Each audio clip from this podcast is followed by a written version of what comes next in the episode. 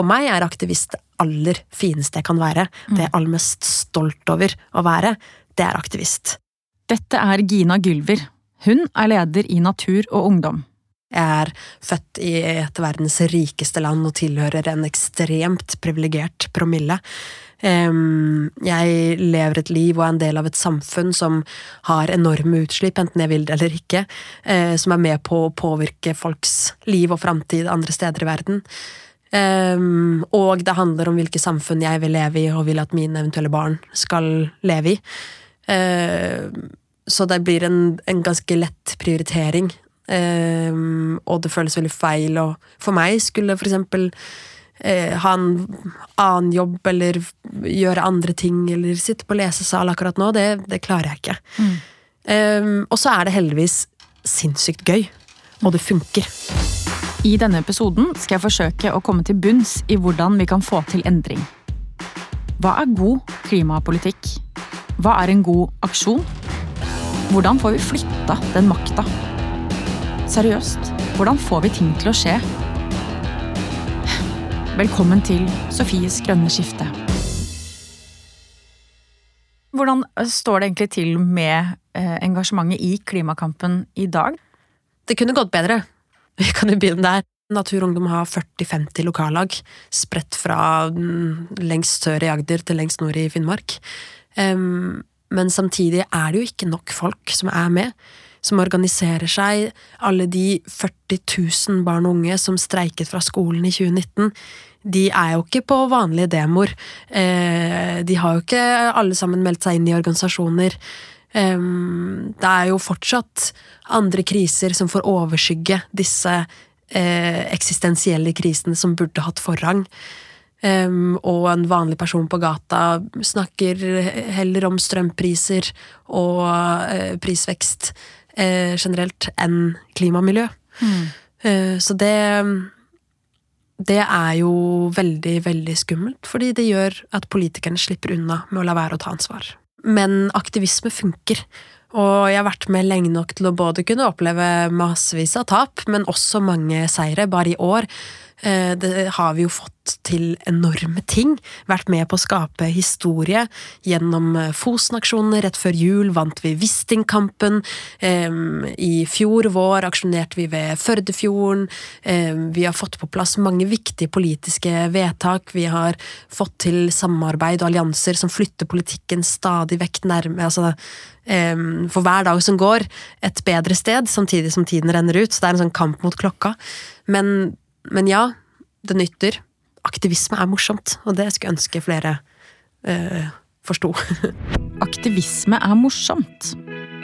Og hvem er det som ikke vil være med på å gjøre noe morsomt? Hvorfor er det ikke flere som Gina? Gjør miljøbevegelsen noe feil? Gjør vi noe feil? Ja, garantert. Men jeg tror situasjonen, eller jeg vet at situasjonen hadde vært veldig, veldig mye verre hvis ikke vi hadde vært her. Og det er veldig lett å legge skylden for manglende fremgang på seg sjæl, men jeg tenker at vi gjør noe, i det minste. Det er veldig mange som ikke gjør det. Um, og det er ikke miljøbevegelsens feil at det ikke har kommet langt nok, det er jo alle andre. Ehm, hvis vi skal generalisere litt og skylde på noen andre enn oss selv. Men jeg tror det handler om veldig mange ting, og svaret vil variere fra folk til folk. Men for det første så mangler vi tydelig politisk lederskap.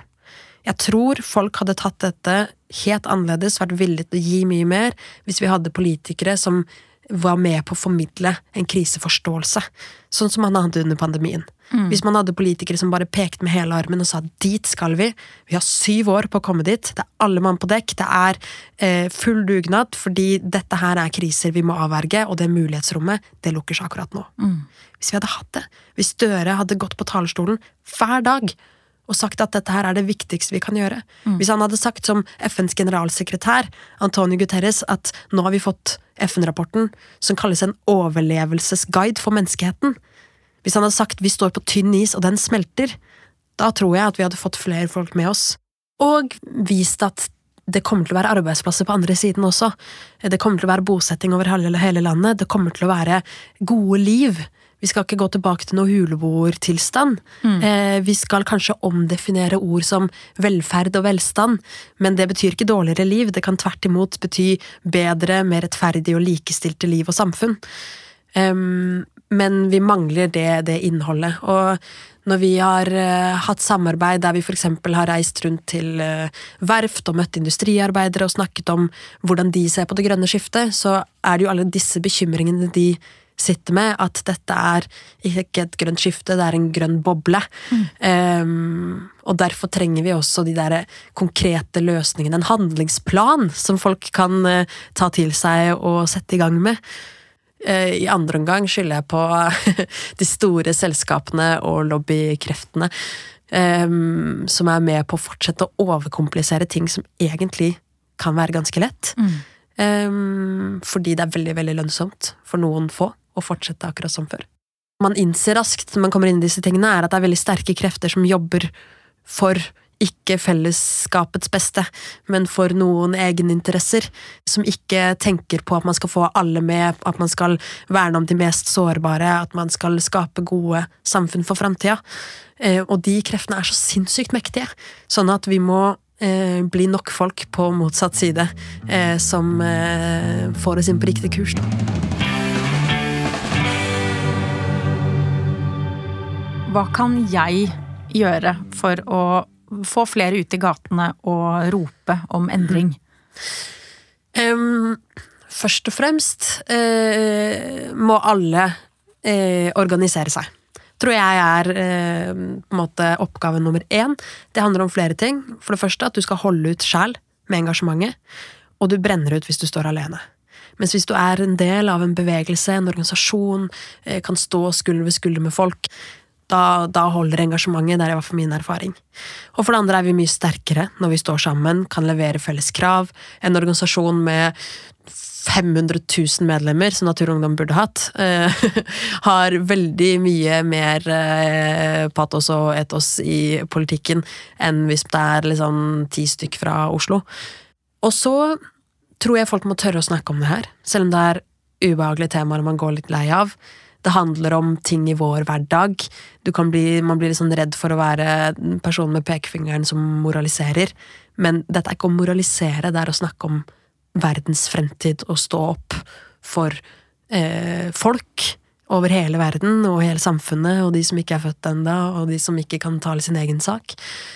Um, og, og tørre å gjøre det selv om man ikke gjør alt annet perfekt. Og ja, man kommer til å få litt hets og uh, få beskjed om alt man gjør feil, men det må man stå i. I hvert fall hvis man er en uh, person med en plattform, eh, en, en offentlig stemme. Jeg savner at alle som har den plattformen, enten er innenfor idrett, politikk, kultur eller noe annet, virkelig tør å bruke den. Men la oss snakke litt om det, da. Dette med ja, skal vi kalle det hykleri? Altså du blir beskyldt for å ikke gjøre alt riktig. Hvis du er uttalt opptatt av miljø, så er vel eh, moralen at da skal du gjøre alt eh, helt riktig. Men hvis du ikke er uttalt opptatt av miljø, så har du litt sånn free pass. Da er det litt sånn, men jeg har ikke sagt at jeg bryr meg. Eh, Så det- regner med at du opplever det en del. At du får spørsmål om ja, spiser du kjøtt, flyr du, kjøper du alt brukt? Ikke sant? At du må liksom bevise at du gjør alt etter boka. Ja. Hvordan, hva tenker du om det? Det hever jo terskelen enormt for å tørre å kalle seg miljøaktivist eller snakke om de valgene man faktisk tar. Um, og det er veldig, veldig synd nettopp at det er så lett å slippe unna hvis du ikke gjør en dritt. Og at det blir så vanskelig å stå for de valgene du faktisk tør, tar hvis du prøver. Ehm, og at vi må akseptere at alle begynner et sted. Og vi må akseptere at folk har også en hverdag som skal gå opp, og vi lever i et system som på ingen måte er tilrettelagt for at du skal leve klima- og miljøvennlig. Det er en evig kamp mot systemet og samfunnet, og den orker du ikke å stå i hele tiden. Um, så, så det er jo en Vi må bare få aksept for det. Eh, tørre å snakke om at også det er vanskelig. Ta andres parti når du, når du opplever det rundt deg, eh, og ikke bare mot deg. Og så tror jeg også flere som står litt lenger fremme i miljøkampen må tørre å være tydelig på sine egne feil eh, og mangler. Men det som er litt skummelt, er at da får man virkelig høre det. Hvem er, og hva gjør, en aktivist i 2023? Hm. Aktivisme for meg, det handler om nettopp det å se noe som er urettferdig, noe som er feil, og så tenke at dette har noe med meg å gjøre og så gå litt utover det som er kanskje forventet av deg, eh, ditt mandat, din jobbeskrivelse, fordi du mener at dette er viktig, og eh, du bør kanskje prøve å gjøre noe med det. Og det kan være noen som sitter i IT-bedriften sin og eh, går til ledelsen for å si at vi må bli miljøfyrtårnbedrift, eh, og jobbe for at det skal skje, eller de som prøver å sørge for at det skal bli mulig å sykle til jobben, eller eh, de som bruker det er en svensk skiløper for eksempel, som sto på et skirenn i Norge og med sånn 'Framtiden smelter'-T-skjorte eh, og snakket om norske oljeselskapers ansvar for klimaendringene. Eller det kan være de som sitter med lenker rundt livet. Og vi trenger hverdagsaktivister over hele linja på min Instagram-profil. Nå har ikke jeg dritmange følgere, men jeg har nok til at jeg innimellom får spørsmål om sånn spons og reklame. Mm. Og da står det i bioen min at jeg takker nei takk til spons og reklame som bidrar til overforbruk. Mm. Som egentlig er alt. Mm. Og det er kjempeviktig, og nå er det en utrolig kul diskusjon som foregår i mange studentmiljøer, f.eks., som handler om oljespons av akademia. Mm. Um, der hvor mange oljeselskaper er tungt investert i uh, universitetene og arrangementer tilknyttet uh, dem. Og nå er det mange studenter som har fått nok, fordi de vil ikke legitimere en virksomhet som fungerer stikk i strid med de klimamålene Norge har forpliktet seg til. For der sier FN veldig tydelig at all ny olje og gass strider med 1,5-gradersmålet. Hva gjør Equinor og eh, Norge? jo, leter etter masse ny olje og gass i Barentshavet, lengre nord enn noensinne, langt fra eksisterende infrastruktur, i sårbare områder. Um, gir godkjentstempel til felt som skal være i produksjon lenge etter at verden skal ha nådd netto null utslipp, 2070-2080. Det er helt sinnssykt. Og det er liksom helt greit at de får lov til å sponse kulturarrangementer, idrettsarrangementer, akademia. Sånn at de studentene som tar det, den kampen, de er jo også eh, aktivister som, eh, som jeg har enormt stor respekt for. Hva er egentlig det viktigste dere ønsker å oppnå ved å aksjonere? Vi kan jo ta Førdefjord-aksjonene som eksempel. Eh, der aksjonerte vi jo i fjor vår, og har gjort det før også, mot et gruveprosjekt eh, hvor gruveselskapet har fått tillatelse til å dumpe mange millioner tonn gruveslam i en nasjonal laksefjord. Da aksjonerer vi sivilt ulydig for å stoppe anleggsstarten, lenker og fast, eh, oss faste anleggsmaskiner for å hindre dem i det inngrepet. Og det er jo for å redde den spesifikke, verdifulle fjorden, den naturen, men det er jo også for å gjøre det veldig mye vanskeligere neste gang. For å få en økt bevissthet rundt naturens manglende rettsvern og verdi, rundt naturkrisen og de store, store utfordringene vi står overfor. Ehm, så jeg håper jo at aktivismen både har effekt i enkeltsakene, men også er med på å flytte debatten, flytte samfunnet ett skritt av gangen i riktig retning. Wisting, for eksempel, det var, skulle bli verdens nordligste oljefelt, en klimabombe midt i det sårbare Arktis. Der lagde vi masse styr og leven, og eh, alle mulige folk var ute og fortalte at dette var en dårlig idé, både samfunnsøkonomisk og med tanke på klima og miljø. Ungdomspartiene, Miljødirektoratet, miljøbevegelsen samlet. Og før jul fikk vi da beskjeden om at Equinor utsetter investeringsbeslutningen, som de sa, men som vi tenker i praksis er en total skrinleggelse av prosjektet. Det er sinnssykt stas. Og det er jo ikke bare noe som har effekt i det spesifikke tilfellet, men man har aldri før klart å stanse et oljefelt som har kommet så langt i prosessen. Og det sier noe om hvor langt debatten har flytta seg, og at det er ikke lenger greit i 2023 og fortsette å åpne sånne gigantiske nye oljefelt. Ok, Så når ser Natur og Ungdom for seg at uh, olja skal uh, utfases, eller ja, ta slutt? da? Vi har jo ikke gått inn for en sluttdato, som flere andre har, og det er et veldig bevisst valg. Um, for da spores diskusjonen ofte av til å snakke om er det 2030, 2040, 2050, um, og det blir en veldig polarisert debatt. Og det er den fra før. Den er dødsvanskelig, det er steile fronter, eh, og det er eh, mye knyttet til identitet og følelser, og ikke lenger faktum. um, og nå har jo miljøbevegelsen og vi i i større grad de siste årene vært veldig bevisst på å også lytte til industriarbeiderne, de som står med beina godt planta i olja og trenger eh, trygghet og forutsigbarhet for sin arbeidsplass. Og være gode på å flette inn også deres perspektiv i den debatten. Og da tror jeg ikke man bør snakke om sluttdato, men snakke om Omstilling, den rettferdige omstillingen, hva innebærer den, hvordan kommer man dit, hvordan ser den ut? Og heller at vi må komme i gang med en gang, i stedet for å snakke om vi må være ferdige om fem år. Mm. Um, og det eh, viktigste å innse i den diskusjonen er at vi kan ikke gjøre begge deler. Regjeringen har en sånn ja takk, begge deler-politikk, hvor man skal utvikle, ikke avvikle oljenæringa, samtidig som man bygger opp nye grønne næringer. Problemet er at disse konkurrerer. Oljenæringa nå er så mektig og lønnsom at den støvsuger markedet for arbeidskraft, for investeringer, for kompetanse, eh, for kraft, eh, som burde gått til de nye grønne næringene.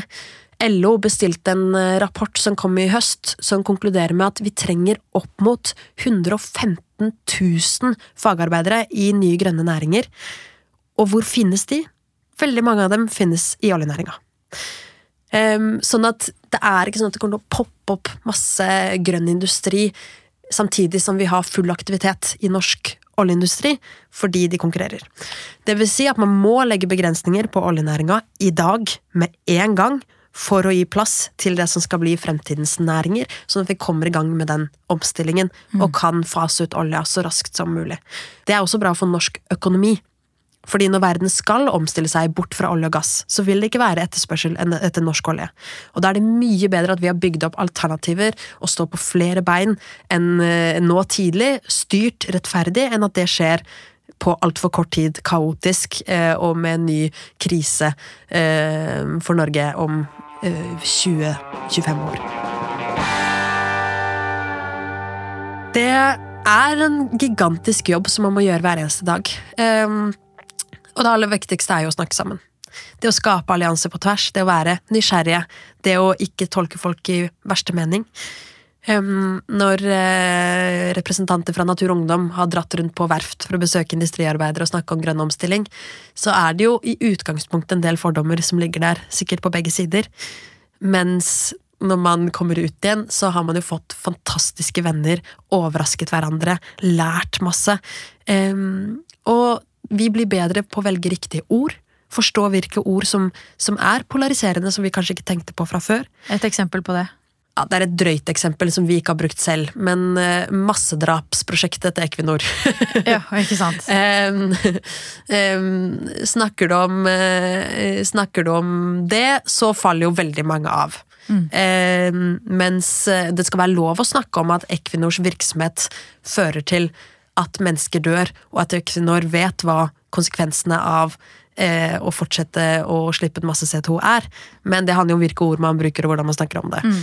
Um, og man må også være veldig forsiktig med f.eks. For å svartmale oljearbeidere. Eh, det er jo ikke de som er skyld i hvordan Equinor legger opp sin virksomhet. Mm. Det å huske å skille på de som jobber på plattformene og eh, bare syns det er viktig å ha en jobb og gjerne kan være opptatt av klima og miljø, og de som tar valg for hvordan virksomheten skal drives. Um, det kan være viktig når man snakker om kjøtt, eksempel, eh, og, ikke, eh, og ikke svartmale bonden.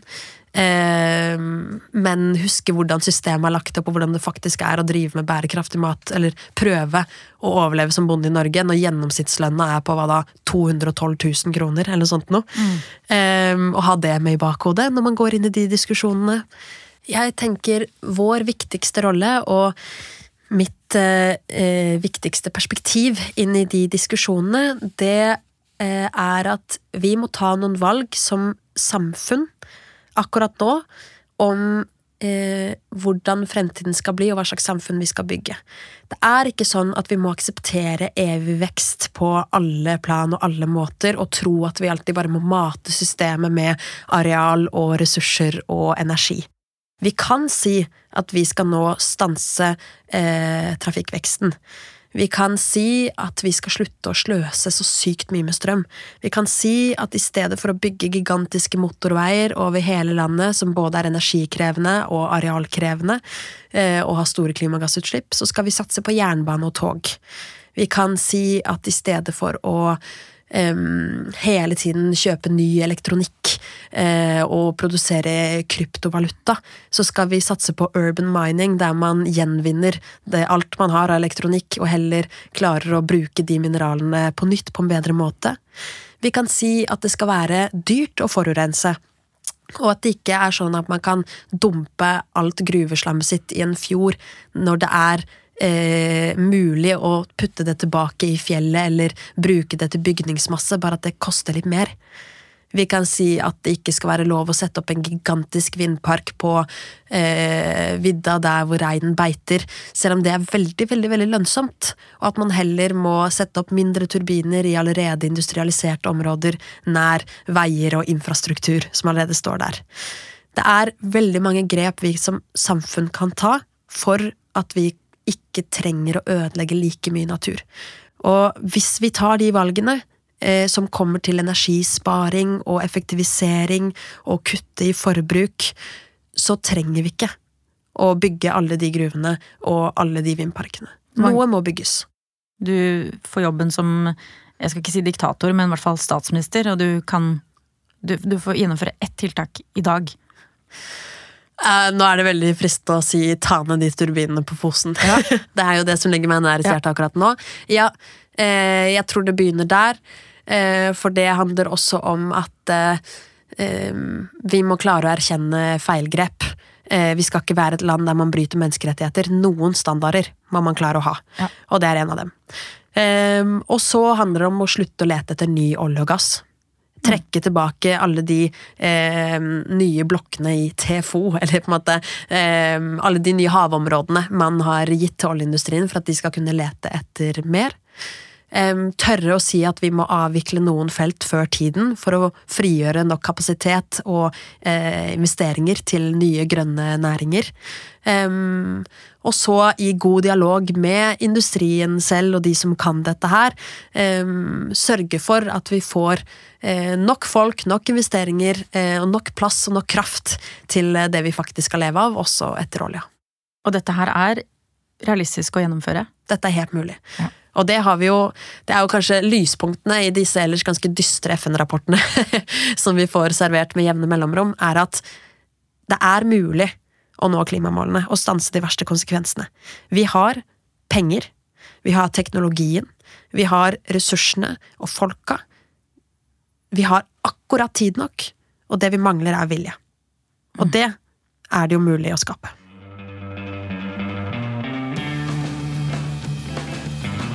Denne podkasten er fra Universitetet i Oslo ved ansvarlig produsent Arild Blomkvist. Programleder er Sofie Frøysaa, produsent hos både og er Håkon Lange, og klipper er Olav Nedberget. Dersom du likte denne podkasten, vil jeg anbefale Sofiekupper Norge, hvor Sofie Frøysaa inntar rollen som diktator, og gjennom seks episoder finner oppskrifter på å kuppe Norge. Dette er en episode i Universitetet i Oslo sin podkast Universitetsplassen. Her hører du forskere og gjester snakke om et vidt spekter av tema og viktige samfunnsspørsmål.